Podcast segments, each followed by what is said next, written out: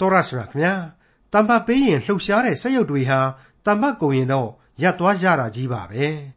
နောက်ထပ်တမ္ပတ်ပေးပါမှလှုပ်ရှားနိုင်မှာဖြစ်ပါတယ်ဒီကဘာပေါ်ကလူသားတွေဟာဖျားသခင်ကတမ္ပတ်ပေးထားတဲ့စက်ရုပ်တွေလားလူသားတွေကိုဖန်ဆင်းတုန်းကစက်ရုပ်တွေလိုပဲဖန်ဆင်းလိုက်သလားဒါမှမဟုတ်ဖြစ်ချင်ရာဖြစ်လှုပ်ချင်ရာလှုပ်နိုင်တယ်ဆိုပြီးဖန်ဆင်းလိုက်တာများလားဒီကနေ့တင်ပြရတော့တမချန်းအစီအစဉ်မှာလေ့လာမှာဖြစ်တဲ့ခရိယန်တမချန်း ဓမ္မသစ်ကျမ်းပိုင်းတွေကအေးဖက်ဩဝါဒစာ အခန်းကြီး1အခန်းငယ်9နဲ့အခန်းငယ်6တို့မှာသားအရာကိုရမည်အကြောင်းအလိုတော်ရှိသောစေတနာအတိုင်းရှေးမစွာကခွဲခန့်မှတ်သားတော်မူ၏လို့ပြောထားပါတယ်။ဒါကြောင့်ကျွန်တော်တို့လူသားတွေရဲ့ကျမဟာကြိုတင်ရှိထားနှင်ပြီးသားဖြစ်တယ်လို့ဆိုနိုင်ပါသလား။အဲဒီလိုကျွန်တော်တို့လူသားတွေရဲ့ကျမဟာကြိုတင်ရှိထားနှင်ပြီးသားဆိုရင်ဘလောက်ပဲကြိုးစားပြီးကောင်းတာတွေကိုကြင့်ကြံ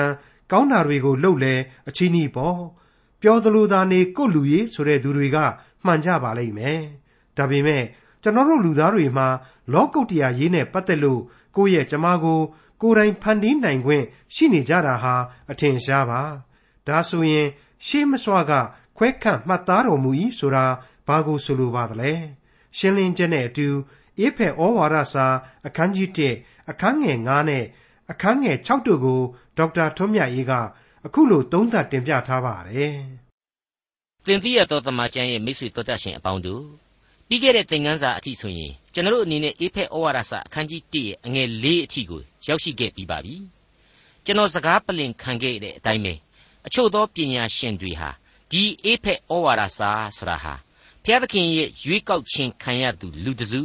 တနည်းအားဖြင့်ဘုရားသခင်ကနားလေစေခြင်းသော ဉာဏ်ပညာအစွမ်းတတ္တိနဲ့ပြည့်စုံသူလူအ ਨੇ စုအတွက်သားလျှင်ခံယူသဘောပေါက်နိုင်တဲ့ကျမ်းလို့ပြောယူရလောက်အောင်ဒီကျမ်းဟာအဆင့်မြင့်ကျမ်းကြီးဖြစ်တယ်။သာမန်လူတို့အတွက်နားလည်ဖို့မလွယ်ကူလှဘူးဆိုတာကိုကျွန်တော်တို့အားလုံးသိထားခဲ့ကြပြီးဖြစ်ပါတယ်။ဒါပေမဲ့ဘယ်လိုပဲပြောပြောပါဖျားသခင်ရဲ့နှုတ်ကပတ်တော်ဆရာဟာကျွန်တော်တို့လူသားတွေအတွက်တယ်။ကျွန်တော်တို့အဖို့ဖြစ်တယ်။ဒီလိုပြောတော့ကျွန်တော်တို့ကဆိုင်ယုံသာဆိုင်တာနော် ကျွန်တော်တို့ကပိုင်သလားဆိုရင်တော့မပိုင်ပြန်ပါဘူးပိုင်ဆိုင်သူဟာဘုရားသခင်ကိုတော်တိုင်သာလျှင်ဖြစ်တယ်ဆိုတာကိုသိနာလေထားကြတဲ့လူသားတွေပြီးပြီးဘုရားသခင်ကိုဆုတောင်းခွန်အားယူပြီးတော့ဆက်လက်ကြိုးစားလေ့လာကြဖို့အထူးပဲအရေးကြီးပါတယ်ကျွန်တော်အတွက်ကတော့ဒီလိုဓမ္မရေးအတွေ့အခေါ်ကြီးတွေအဆင့်မြင့်ပညာကြီးတွေကိုအခုလိုဘာသာပြန်ဆိုခွင့်ရတာနှိုက်နှိုက်ချွတ်ချွတ်စဉ်းစားဆင်ခြင်ခွင့်ရတာအတွက်ဘုရားသခင်ရဲ့ကျေးဇူးတော်ကိုအထက်ထပ်ချီးမွမ်းမိပါတယ်မိတ်ဆွေအပေါင်းတို့ ဝိညာဉ်တော်မှုတ်သွင်းထားတဲ့အသက်လန်းစာပေကိုအပြစ်သားလူတစ်ယောက်အနေနဲ့ဘာသာပြန်ဆိုဟောပြောရတာဟာမနိုင်တဲ့ဝန်တစ်ခုမတန်တဲ့လုပ်ငန်းတစ်ခုကိုလုပ်နေရတာများလားလို့ကျွန်တော်တခါတလေမှအမျိုးအမည်မခွဲခြားနိုင်တဲ့ခန်းစားချက်တစ်ခုခုရင်ထဲကိုဝင်လာမိတယ်လို့ဝန်ခံနေပါတယ်။ဒါပေမဲ့အဲ့ဒီခန်းစားချက်နဲ့အတူအခုလေ့လာနေတဲ့အေဖက်ဩဝါဒစာအားဖြင့်ခွန်အားအသစ်တို့ကိုကျွန်တော်ဟာတိုးတက်ခန်းစားလာရပြန်တယ်ဆိုတာကို ကျွန်တော်ရဲ့အစ္စထအတွင်းစိတ်မှာအလိုလိုခန်းစားထိတွေ့ရပါတယ်။ဒါကြောင့်လဲပြုတော်မူသောကျေးဇူးတော်ကိုတစ်ဖက်ကချီးမွမ်းရင်းဆုတောင်းခွန်အားယူလျက်ဒီကနေ့သင်ခန်းစာကိုစတင်ခွင့်ပြုပါ။ကျွန်တော်အေဖက်ဩဝါဒစာအခန်းကြီး1အငယ်1က4ကိုတကြော့ပြန်ပြန်ဖတ်ကြည့်ကြပါမယ်။မိษွေတို့နားဆင်ကြည့်ကြပါ။ဖျားသခင်၏အလိုတော်အားဖြင့်ယေရှုခရစ်၏တမန်တော်ဖြစ်သောငါပေါလုသည်အေဖက်မြို့၌နေသောတန်ရှင်းသူကြီးဟုသောယေရှုခရစ်ကိုယုံကြည်သောသူတို့ကိုကြားလိုက်ပါ၏ သခင်ယေရှုခရစ်နှင့်ငါတို့အဖဒီဟုသောဘုရားသခင်အထံတော်ကကျေးဇူးတော်နှင့်ညီသက်ခြင်းသည်သင်တို့၌ရှိပါစေသောငါတို့သည်ဘုရားသခင်ရှိတော်၌မေတ္တာအားဖြင့်တန်ရှင်းလျက်အပြစ်ကင်းလွတ်လျက်ဖြစ်မည်အကြောင်းဤကဘာမတီမရှိမီငါတို့ကိုခရစ်တော်၌ရွေးကောက်တော်မူသည်နှင့်အညီကောင်းကင်ဘုံနှင့်ဆိုင်သောအရာတို့၌ခတ်သိမ်းသောဓမ္မမင်္ဂလာတို့ကိုခရစ်တော်အားဖြင့်ငါတို့အားပေးသနာတော်မူသောငါတို့သခင်ယေရှုခရစ်ခမည်းတော်ဘုရားသခင်သည် မင်္ဂလာရှိတော်မူစေတည်းတဲ့အဲ့ဒီလိုဖော်ပြထားခဲ့ပါတယ်ဟုတ်ပါတယ်ကယ်တင်ရှင်သခင်ခရစ်တော်ကိုယုံကြည်ပါတယ်လို့ဝန်ခံထားတဲ့လူအလိုတော်အတိုင်းလိုက်နာပါမယ်ဆိုပြီးတော့တစ္ဆာပြုထားတဲ့လူတစ်ယောက်အနေနဲ့ကျွန်တော်ဖြစ်စေမိတ်ဆွေဖြစ်စေဘယ်အပြစ်လူသားမဆိုကျေးဇူးတော်နဲ့တော့တယောက်မှလွတ်တယ်ဆိုတာမရှိဘူးဒီကျေးဇူးတော်ကိုနားလေတဲ့စိတ်နဲ့သားရင်အမှုတော်ကိုဆက်လက်ဖြည့်ဆည်းဆောင်ရွက်သွားကြရလိမ့်မယ် ဘဝအသက်တာကိုရှင်သန်သွားကြရလိမ့်မယ်လို့သဘောရမိပါတယ်ဒီညအစီအစဉ်ကိုလေဖျားသခင်သည်မင်္ဂလာရှိတော်မူစေတည်းလို့ယင်တဲကနေကြွေးကြော်ရင်းနဲ့ဆက်လက်တင်ပြသွားရအောင်မှာပါအေဖက်ဩဝါဒစာအခန်းကြီး1အငယ်9နဲ့6ထိုဖျားသခင်သည်ချစ်တော်မူသောသားတော်ကြောင့်ငါတို့အားပေးတော်မူသောဘုန်းအသရေကိုချီးမွမ်းစေခြင်းဟာငါတို့သည်ယေရှုခရစ်အားဖြင့်သားအရာကိုရမည်အကြောင်းအလိုတော်ရှိသောစေတနာအတိုင်းရှေးမဆွက ခွဲကန့်မှတ်သားတော်မူ၏သောတရှင်မိတ်ဆွေအပေါင်းတို့ဒီကျမ်းကိုဖတ်ရတဲ့အချိန်မှာပြီးခဲ့တဲ့အပိုင်းကခရစ်တော်အားဖြင့်ကောင်းကြီးမင်္ဂလာများကိုပေးတယ်အဲ့ဒီကောင်းကြီးများကြောင့်လေဘုရားသခင်ရှေ့တော်မှာတန်ရှင်းခြင်းနဲ့အပြစ်လွတ်ကင်းခြင်းတို့ရဲ့ဖြစ်လာရတယ်ဆိုတာတွေ့ကိုပြန်ပြီးတော့ဆက်ဆက်ဖို့လိုလာပြန်ပါတယ်အဲ့ဒီလိုဆက်ဆက်နိုင်မှပို့ပြီးတော့ရှင်းလင်းခြင်းရှိလိမ့်မယ်လို့လည်းကျွန်တော်တွေးမိပါတယ်မှန်ပါတယ်နှုတ်ကပတ်တော်တမန်ကျမ်းစာတို့ဟာတစ်ခုနဲ့တစ်ခုတွဲဆက်နေတဲ့အလျောက် ပြီးခဲ့ပြီဖြစ်လို့ဆိုပြီးတော့ခြံမထားနိုင်ပါဘူးဒီအခြေခံနားဆင်ရပြီးသားအချက်ကိုပြန်ပြီးတော့အမိသဟဲပြုရပြန်ပါလိမ့်မယ်ဒီနေရာမှာသက်သာလောနိဩဝါဒစာဒုတိယစာဆောင်အခန်းကြီး2အငယ်73နဲ့14ကိုပြန်ကြည့်မယ်ဆိုရင်အခုလိုတွေ့နိုင်ပါတယ်သခင်ဖျားချစ်တော်မူသောညီအကိုတို့သင်တို့သည်စိတ်တန့်ရှင်းခြင်းတမာတရားကိုယုံကြည်ခြင်းအပြင်ကဲတင်ခြင်းသို့ရောက်စိမ့်သောငါဖျားသခင်သည်ရှေးဥစွာကပင်သင်တို့ကိုရွေးကောက်တော်မူသည်ဖြစ်၍ ငါတို့သည်သင်တို့ကြောင့်ဖျားသခင်၏ကျေးဇူးတော်ကိုအစင်မပြတ်ချီးမွမ်းရကြမည်ထို့သောအလိုငှာဧဝံဂေလိတရားအဖြစ်သင်တို့ကိုခေါ်တော်မူပြီးအကြောင်းမူကားသင်တို့သည်ငါတို့သခင်ယေရှုခရစ်၏ဘုန်းကိုပိုင်ရမည်အကြောင်းဒီအဲ့ဒီအချက်ကိုတွေ့ရပါတယ်ပြီးတော့မှရှင်ပေတရုဩဝါဒစာပထမစာဆောင်အခန်းကြီး1အငယ်2ရဲ့ပထမပိုင်းမှာကြတော့အခုလိုဖော်ပြထားတာရှိပါသေးတယ်ခရစ်တော်၏အသွေးတော်နှင့်ဖြန်းခြင်းကျေးဇူးကိုခံရမည်အကြောင်း ဝိညာဉ်တော်အားဖြင့်တန်ရှင်းခြင်းသို့ရောက်၍ဘုရားသခင်၏အနာဂတ်တန်သညံတော်အတိုင်းရွေးကောက်တော်မူသောသူများဆိုပြီးတော့အဲ့ဒီလိုအညွှန်းပြုထားခြင်းကိုရှင်းလင်းပြတ်သားစွာတွေ့လာရပြန်ပါတယ်အဲ့ဒီတော့ရွေးကောက်တော်မူခြင်းဘုရားသခင်ကိုယုံကြည်ခြင်းဘုရားသခင်ကိုယုံကြည်ခြင်းအပြင်တန်ရှင်းခြင်းဆိုတာတွေဟာတစ်ဆက်တစ်ဆက်တည်းတည်ရှိလာရပါတယ်အကုန်လုံးကိုရောပြုံပြီးတော့တလုံးတည်းနဲ့ပြီးအောင်သုံးရင်တော့ဒါဟာဘုရားသခင်ပြုတော်မူသော ကျေးဇူးတော်တက်တက်ပဲလို့ကျွန်တော်တို့ဆိုရပါလိမ့်မယ်ကဲအဲ့ဒီပြီးခဲ့တဲ့သင်ခန်းစာတွေမှာဘုရားသခင်ရဲ့ကဘာမတီမီကပင်ရွေးကောက်ခြင်းရွေးကောက်တော်မူသောသူတို့ဟာကျေးဇူးတော်ကိုချီးမွမ်းရခြင်းဆိုတာတွေဟာပူပူနွေးနွေးပဲမနေ့ကကျွန်တော်တို့တွေ့ကြရတယ်ဟောအခုအငယ်9နဲ့6မှာလေလာပြန်ပြီချစ်တော်မူသောသားတော်ကြောင့်ငါတို့အားပေးတော်မူသောဘုံအသရေကိုချီးမွမ်းစေခြင်းဟာငါတို့သည်ယေရှုခရစ်အားဖြင့်သားအရာကိုရမည်အကြောင်း အလိုတော်ရှိသောစေတနာအတိုင်းရှေးမဆွကခွဲကန့်မှတ်သားတော်မူ၏တဲ့ရှေးမဆွကတည်းကရွေးကောက်ထားတဲ့သဘောကြိုတင်စီစဉ်ထားခဲ့တဲ့သဘောဆိုတာကိုတကြော့ပြန်ကြားရခြင်းပါဒါနဲ့ပတ်သက်ပြီးတော့ပြီးခဲ့တဲ့သင်ခန်းစာမှာတုန်းကကဘာမတီမီဆိုတဲ့အတိုင်းအဆမဲ့လွန်သောအနန္တကာလမှာကတည်းကဘုရားသခင်နဲ့အတူကယ်တင်ရှင်သခင်ခရစ်တော်ရှိတယ်နှုတ်ကပတ်တော်ဆရာဟာရှိနေခဲ့တယ်ရုပ်တရက်နဲ့မြင်သာထင်သာရှိတဲ့ကျမ်းစာ သို့မဟုတ် Bible ဆရာရဲ့နောက်ွယ်မှာအစကတည်းကကယ်တင်ရှင်ကျေးဇူးတော်ရှိခဲ့တာပဲလို့ကျွန်တော်ကအတိတ်ပဲဖွင့်ပေးခဲ့ပါတယ်ဒါဟာလူသားအလုံးနဲ့သက်ဆိုင်ခြင်းရှိတယ်ဆိုတဲ့ဒီကယ်တင်ရှင်ကျေးဇူးတော်ဆရာကိုလူသားတိုင်းကခံယူစေခြင်းလို့ဖြစ်ပါတယ်အဲ့ဒီလိုကျွန်တော်ကပြောတဲ့အခါကျတော့ဒီကျေးဇူးတော်ကိုလူသားတိုင်းကရကြမှာလားလောကမှာရှိသမျှသမိုင်းဝင်လူသားတွေအကုန်လုံးတယောက်မကြံကောင်းကင်ဘုံကိုဘုံမှန်ဘုံမှန်နဲ့မရောက်ရောက်အောင်ဘုရားသခင်က ကျေးဇူးတော်အားဖြင့်ဆွဲခေါ်မှာလားဆိုတော့မဟုတ်ဘူးအဲ့ဒီအတိုင်းမဖြစ်နိုင်ဘူးမရနိုင်ဘူးဆိုတဲ့ဒုတိယအဖြေကိုကျွန်တော်တို့ကထုတ်နှုတ်ရယူကြရမှာဖြစ်ပါတယ်အဲ့ဒီလိုကျွန်တော်ကပြောလိုက်တဲ့အခါကျတော့ဖျားသခင်ဟာမျက်နှာသာပေးတဲ့သဘောလူကယ်တင်ခြင်းအခွင့်အရေးကိုကွက်ပြီးတော့ပေးတဲ့သဘောဖြစ်နေပြီလားအဲ့ဒီလိုကျွန်တော်တို့စောရကတက်ဖို့ရှိလာပါတယ်မိ쇠အပေါင်းတို့ခမညာဖျားသခင်ဟာသူ့တကိုးတော်နဲ့သူ့ ကျွန်တော်တို့နားမလည်နိုင်ဘူးဆိုတာကိုအခွင့်သာတိုင်းမှာကျွန်တော်ထည့်သွင်းတင်ပြခဲ့ပါတယ်အခုဒါကိုဆက်ပြီးဝန်ခံကြရအောင်မှာပါအပြည့်အစုံကျွန်တော်နားမလည်ပါဘူးဒါပေမဲ့သူ့ရဲ့သီးသန့်ရွေးကောက်တော်မူခြင်းဆိုတာရှိနိုင်သလိုအကယ်၍သာသီးသန့်ကြိုတင်ရွေးကောက်ခြင်းမခံရသူဟာလေခရစ်တော်ကိုအမိပြုလိုက်ရင်တော့ဖျားသခင်ဟာမလွဲမသွေလက်ခံမယ်ဆိုတာကိုတော့ကျွန်တော်အခိုင်အမာအာမခံနိုင်ပါတယ်အာမခံနိုင်တယ်ဆိုလို့နော် ကျွန်တော်ကဘာကောင်မလို့ဝင်ပြီးအာမခံရတယ်လေဆိုပြီးအပြစ်မပြောပါနဲ့ဒါကျွန်တော်ရဲ့စိတ်ကူးနဲ့သိတာမဟုတ်တလို့ရောင်ရမ်းတွေးဆခြင်းအရှင်းမဟုတ်ပါဘူးခရစ်တော်ကိုယ်တော်တိုင်အခုလိုပြောခဲ့လို့သိနိုင်တာပါခမည်းတော်သည်ငါအားပေးတော်မူသမျှသောသူတို့သည်ငါထံသို့လာကြလိမ့်မည်ငါထံသို့လာသောသူကိုငါသည်အရှင်းမပယ်တဲ့ရှင်းနေတယ်နော်ရှင်ယောဟန်ခရစ်ဝင်အခန်းကြီး6အငယ်38ကတွေ့ရတဲ့အချက်ပဲ ဒါကိုပြီးခဲ့တဲ့သင်ခန်းစာမှာလည်းကျွန်တော်ထည့်သွင်းတင်ပြခဲ့ပြီးပါပြီဒီအကြောင်းကိုတရက်ပို့ပြီးတော့ရှင်းစီနိုင်ဖို့ရန်အတွက်ခရစ်တော်ရဲ့ဆုတောင်းသံကိုကျွန်တော်ထပ်မံဖော်ပြခြင်းပါတယ်အဲ့ဒါကတော့ရှင်ယောဟန်ခရစ်ဝင်ကျမ်းအခန်းကြီး18အငယ်20ကနေအဆုံးတိုင်အောင်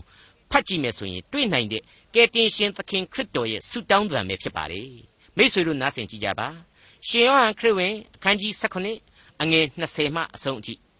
ထိုသူတို့အဖို့ကိုသာကျွန်ုပ်ဆုတောင်းသည်မဟုတ်ပါ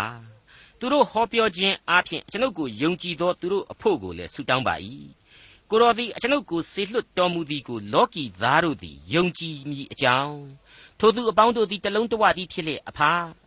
ကိုတော်သည်အကျွန်ုပ်၌ရှိတော်မူ၍အကျွန်ုပ်သည်လည်းကိုတော်၌ရှိသကဲ့သို့ထိုသူအပေါင်းတို့သည်ငါတို့၌တလုံးတဝတည်းဖြစ်စေခြင်းဟာဆုတောင်းပါ၏ငါတို့သည်တလုံးတဝတည်းဖြစ်သကဲ့သို့အကျွန်ုပ်သည်သူတို့၌ရှိ၍ကိုတော်သည်လည်းအကျွန်ုပ်၌ရှိတော်မူသောအားဖြင့် သူတို့သည်တလုံးတဝတည်းဖြစ်၍တလုံးတဝတည်း၌စုံလင်စေခြင်းဟာကိုတော်သည်အကျွန်ုပ်ကိုစေလွှတ်တော်မူကြောင်းနှင့်အကျွန်ုပ်ကိုချစ်တော်မူသကဲ့သို့သူတို့ကိုလည်းချစ်တော်မူကြောင်းကိုလောကီသားတို့သည်သိစေခြင်းဟာ၎င်းကိုတော်သည်အကျွန်ုပ်အားပေးတော်မူသောဘုံအသရေကိုအကျွန်ုပ်သည်သူတို့အားပေးပါပြီ။အိုအဖာကိုတော်သည်ဤကဘာမတီမရှိမီအကျွန်ုပ်ကိုချစ်၍အကျွန်ုပ်အားပေးတော်မူသောဘုံတော်ကိုအကျွန်ုပ်အားပေးတော်မူသောသူတို့သည်ရှုမြင်ရမည်အကြောင်း အကျွန်ုပ်ရှိရာအရ၌အကျွန်ုပ်နှင့်အတူရှိနေစေခြင်းဟာအကျွန်ုပ်အလိုရှိပါ၏တရားတော်မူသောအဖာလောကီသားတို့သည်ကိုတော်ကိုမသိတော်လေအကျွန်ုပ်သိပါ၏ကိုတော်သည်အကျွန်ုပ်ကိုဆေလွတ်တော်မူကြောင်းကိုထိုသူတို့သည်သိကြပါ၏ကိုတော်သည်အကျွန်ုပ်ကိုချစ်တော်မူသောမေတ္တာတော်သည်သူတို့၌ရှိစေခြင်းဟာ၎င်းအကျွန်ုပ်သည်သူတို့၌ရှိစေခြင်းဟာ၎င်းကိုတော်ဤနာမကိုအကျွန်ုပ်သည်သူတို့အားပြညွန်ပါပြီဖြစ်၍အစဉ်ပြညွန်ပါမည်ဟု မိမ့်မွက်တော်မူ၏မိတ်ဆွေအပေါင်းတို့ဆုတောင်းခြင်းသို့မဟုတ်အဖခမည်းတော်နဲ့စကားပြောဆိုခြင်းတွေထဲမှာကျွန်တော်တို့အဖို့ရှုပ်ထွေးနေတာတွေဟာရှင်းသွားစေတယ်လို့ကျွန်တော်ထင်ပါတယ်ဟုတ်ပါတယ်အဖခမည်းတော်ရဲ့သီးသန့်ရွေးကောက်သောယုံကြည်သူတွေရှိနေတယ်ဒါကိုမငင်းနိုင်ဘူးဒါပေမဲ့အဖဖျားသခင်ကမရွေးမကောက်တမင်ချန်တယ်ပြစ်ပယ်တယ်ဆိုတာတော့မရှိဘူးဒါပေမဲ့ကယ်တင်ရှင်ကျေးဇူးတော်ဆိုတာဟာလူသားအလုံးတို့အတွက် ရှေးမဆွကလေးကချထားပေးခဲ့ပြီးဖြစ်လို့ဒီကျေးဇူးတော်ကိုခရစ်တော်အားဖြင့်ယူတော်ရ၏မရယူဘူးခရစ်တော်ကိုပြစ်ပယ်တယ်တော်လှန်တယ်မယုံကြည်ဘူးပုံကန်ခြားနာတယ်ဆိုရင်တော့ရှိပြီးသားဒီစုကျေးဇူးဟာမိမိနဲ့မိမိရဲ့အားနည်းချက်ကြောင့်ပင်လျင်လွဲရလိမ့်မယ်ကောင်းကင်အမွေကိုဆုံးရှုံးကြရလိမ့်မယ်လို့ဒီစကားတွေအဖြစ်အတိတ်ပဲဖွင့်ဆိုနိုင်ပါလိမ့်မယ်ဒီနေရာမှာထင်းထင်းရှားရှားတက်တည်ပြနိုင်ဖို့ကိုတော့မြေထဲပင်လယ်နဲ့ဆက်ဆက်နေတဲ့ Adriatic ခေါ်တဲ့ပင်လယ်ပြင်ကြီးထဲမှာရှင်ပေါလုအပါအဝင် ထောင်ကျနေတဲ့အကျဉ်းသားတွေရဲ့ယောမရေတက်ကရေတက်သားတွေရဲ့ဟာအကျဉ်းသင်္ဘောကြီးပေါ်မှာပါလာတဲ့အချိန်ကဥရောပတိုက်ကတောင်ပိုင်းကိုစုံဆင်းလာတဲ့မုန်တိုင်းကြီးအလဲမှာဒုက္ခခံစားခဲ့ရတဲ့အဖြစ်အပျက်တွေဟာပြန်ပြီးတော့အောက်မေ့စရာလိုလာတယ်လို့ကျွန်တော်ဆိုချင်ပါတယ်။တမန်တော်ဝတ္ထုအခန်းကြီး29အငယ်21ကနေ25အတွင်းကိုပြန်ပြီးတော့ကြည့်ကြပါစို့။အစာကိုမစားဘဲကြာမြင့်စွာနေကြပြီးမှ ပေါလုသည်ထိုသူတို့အလယ်၌ထ၍အချင်းလူတို့ငါစကားကိုနားထောင်၍ကရေတီကျွန်းမှမလွှင့်ဘဲနေလျင်ဤပျက်စီးဆုံးရှုံးခြင်းနှင့်ကင်းလွတ်ရကြ၏ယခုတွင်စိတ်သက်သာခြင်းရှိကြလော့အကြောင်းမူကားသင်ပေါ်ဆုံးခြင်းမှတပါသင်တို့တွင်အဘယ်သူမျှအသက်မဆုံးရအဘယ်ကြောင့်နည်းဟုမူကားငါကိုပိုင်တော်မူ၍ငါကိုးကွယ်သောဘုရားသခင်၏ကောင်းကင်တမန်သည်ယနေ့ညတွင်ငါအနားမှပေါ်လာလျက်ပေါလုသင်သည်မစိုးရိမ်နှင့် ကဲသာဘယင်ရှေ့သို့ရောက်ရမည်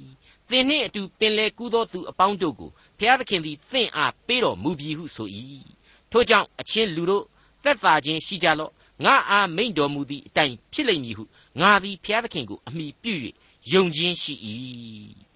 ဒီအပိုင်းမှာပင်လေပြင်းမုန်တိုင်းတဲကဒုက္ခရောက်နေတဲ့လူတွေကိုတယောက်မှမသိစေရဘူးတဲ့ဒီမုန်တိုင်းကလည်းသေးသေးကိုယ်ကိုမဟုတ်ဘူးကျွန်တော်ပြောခဲ့တဲ့အတိုင်းပဲ ဥရောပတိုက်ကိုစုံဆင်းလာတဲ့ Euroclydon ဆိုတဲ့မုန်တိုင်းကြီးအဲ့ဒီ Adriatic ပင်လယ်ပြင်ကြီးထဲမှာကမ်းမမြင်လမ်းမမြင်ဒီလူတွေဒုက္ခရောက်နေတဲ့အချိန်ပေါလုကနေတဆင့်ဘုရားသခင်ဆိုလိုက်ပါတယ်ဂရိပေးလိုက်ပါတယ်ဒီမုန်တိုင်းထဲမှာပင်လယ်ပြင်ထဲကလူတွေတယောက်မှမသိစေရဘူးတဲ့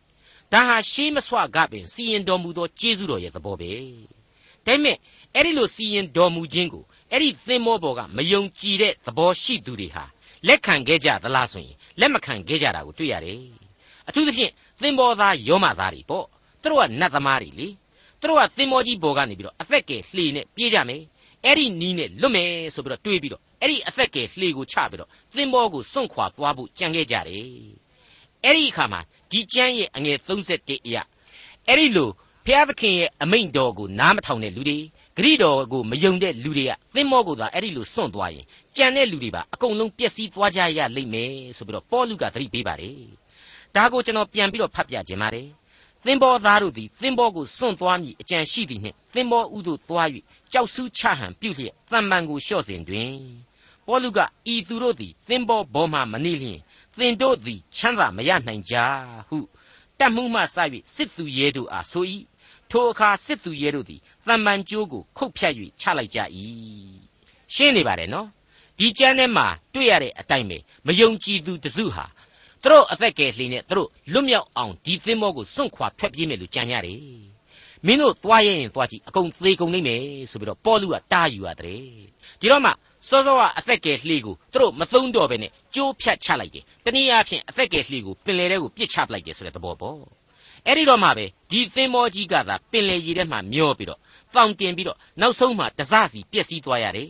ဒါပေမဲ့လူပေါင်း280ဟာတယောက်မှမသေးခဲ့ရဘူးဆိုတာကိုအထင်ရှားတွေ့ရပါတယ်အဲ့ဒီဥပမာကိုစဉ်းစားကြည့်ပါနော်ဖျားသခင်ရဲ့ကျေးဇူးတော်ဆရာဟာရှေးမဆွကလေးကရှိခဲ့ပြီးသားပဲဂရိပေးခဲ့ပြီးသားပဲဒါမဲ့ဒီကျေးဇူးတော်ကိုလူသားဟာကြိမ်ဖန်များစွာမှနားမလည်နိုင်ပဲနဲ့လက်လွတ်ဆုံးရှုံးခံတတ်ကြတယ်တော်လှန်ပုန်ကန်တတ်ကြတယ်ဆိုတဲ့တနည်းအားဖြင့်ခံယူသူလူသားတို့အပေါ်မှာလေဘုရားသခင်ရဲ့ကျေးဇူးတော်ဆရာဟာမူတီနေပြန်သေးတယ်ဆိုတဲ့အချက်ကိုကျွန်တော်နားလည်လာစေပါတယ် မိษွေတော်တတ်ရှင်အပေါင်းတို့ခမညာပြုတော်မူသောကျေးဇူးတော်ဟာအံ့ဩဖို့မကောင်းဘူးလားခရစ်တော်အားဖြင့်ဘုံအသရေကိုရယူစေဘုရားသခင်၏သားသမီးများဖြစ်စေဆိုပြီးတော့ဘုရားသခင်ကအခုလိုရှေးမဆွကလေးကစီရင်တော်မူတယ်ဆိုတာဟာ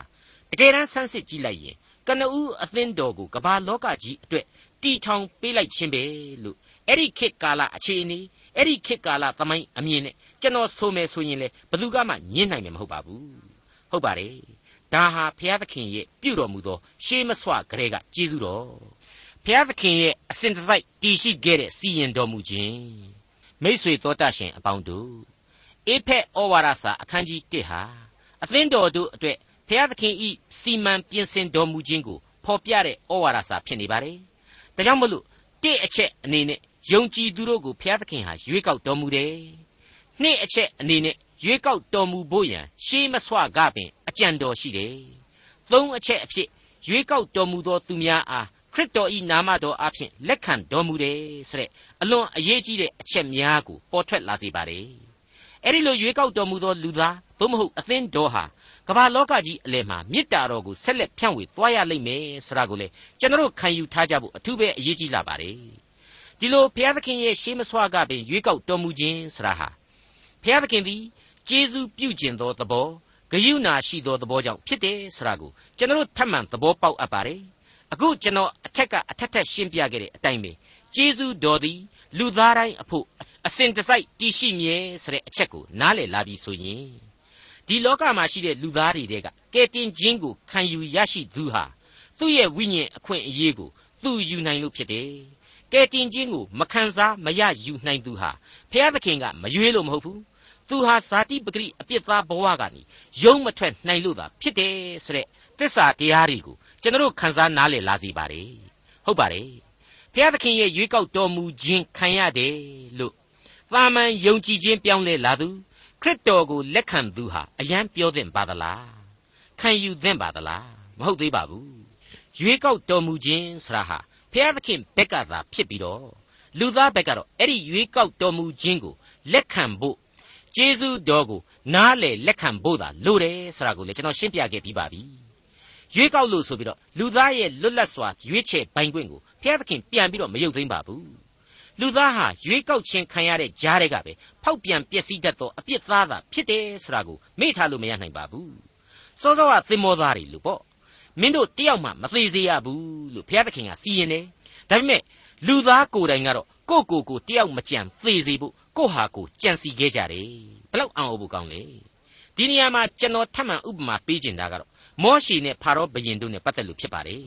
ထွတ်မြောက်ရာကျမ်းကအနှစ်ချုပ်ကိုပြန်ယူပြီးတော့ယောမဩဝါဒစာမှာတမန်တော်ကြီးဆုံးမခဲ့တဲ့အချက်ဟာအလွန်ကောင်းတဲ့ဥပမာဖြစ်ပါတယ်။ယောမဩဝါဒစာအခန်းကြီး9အငယ်14မှ18ကိုနားဆင်ကြည့်ကြပါ။တို့ဖြစ်၍အဘယ်သို့ပြောရမည်နည်း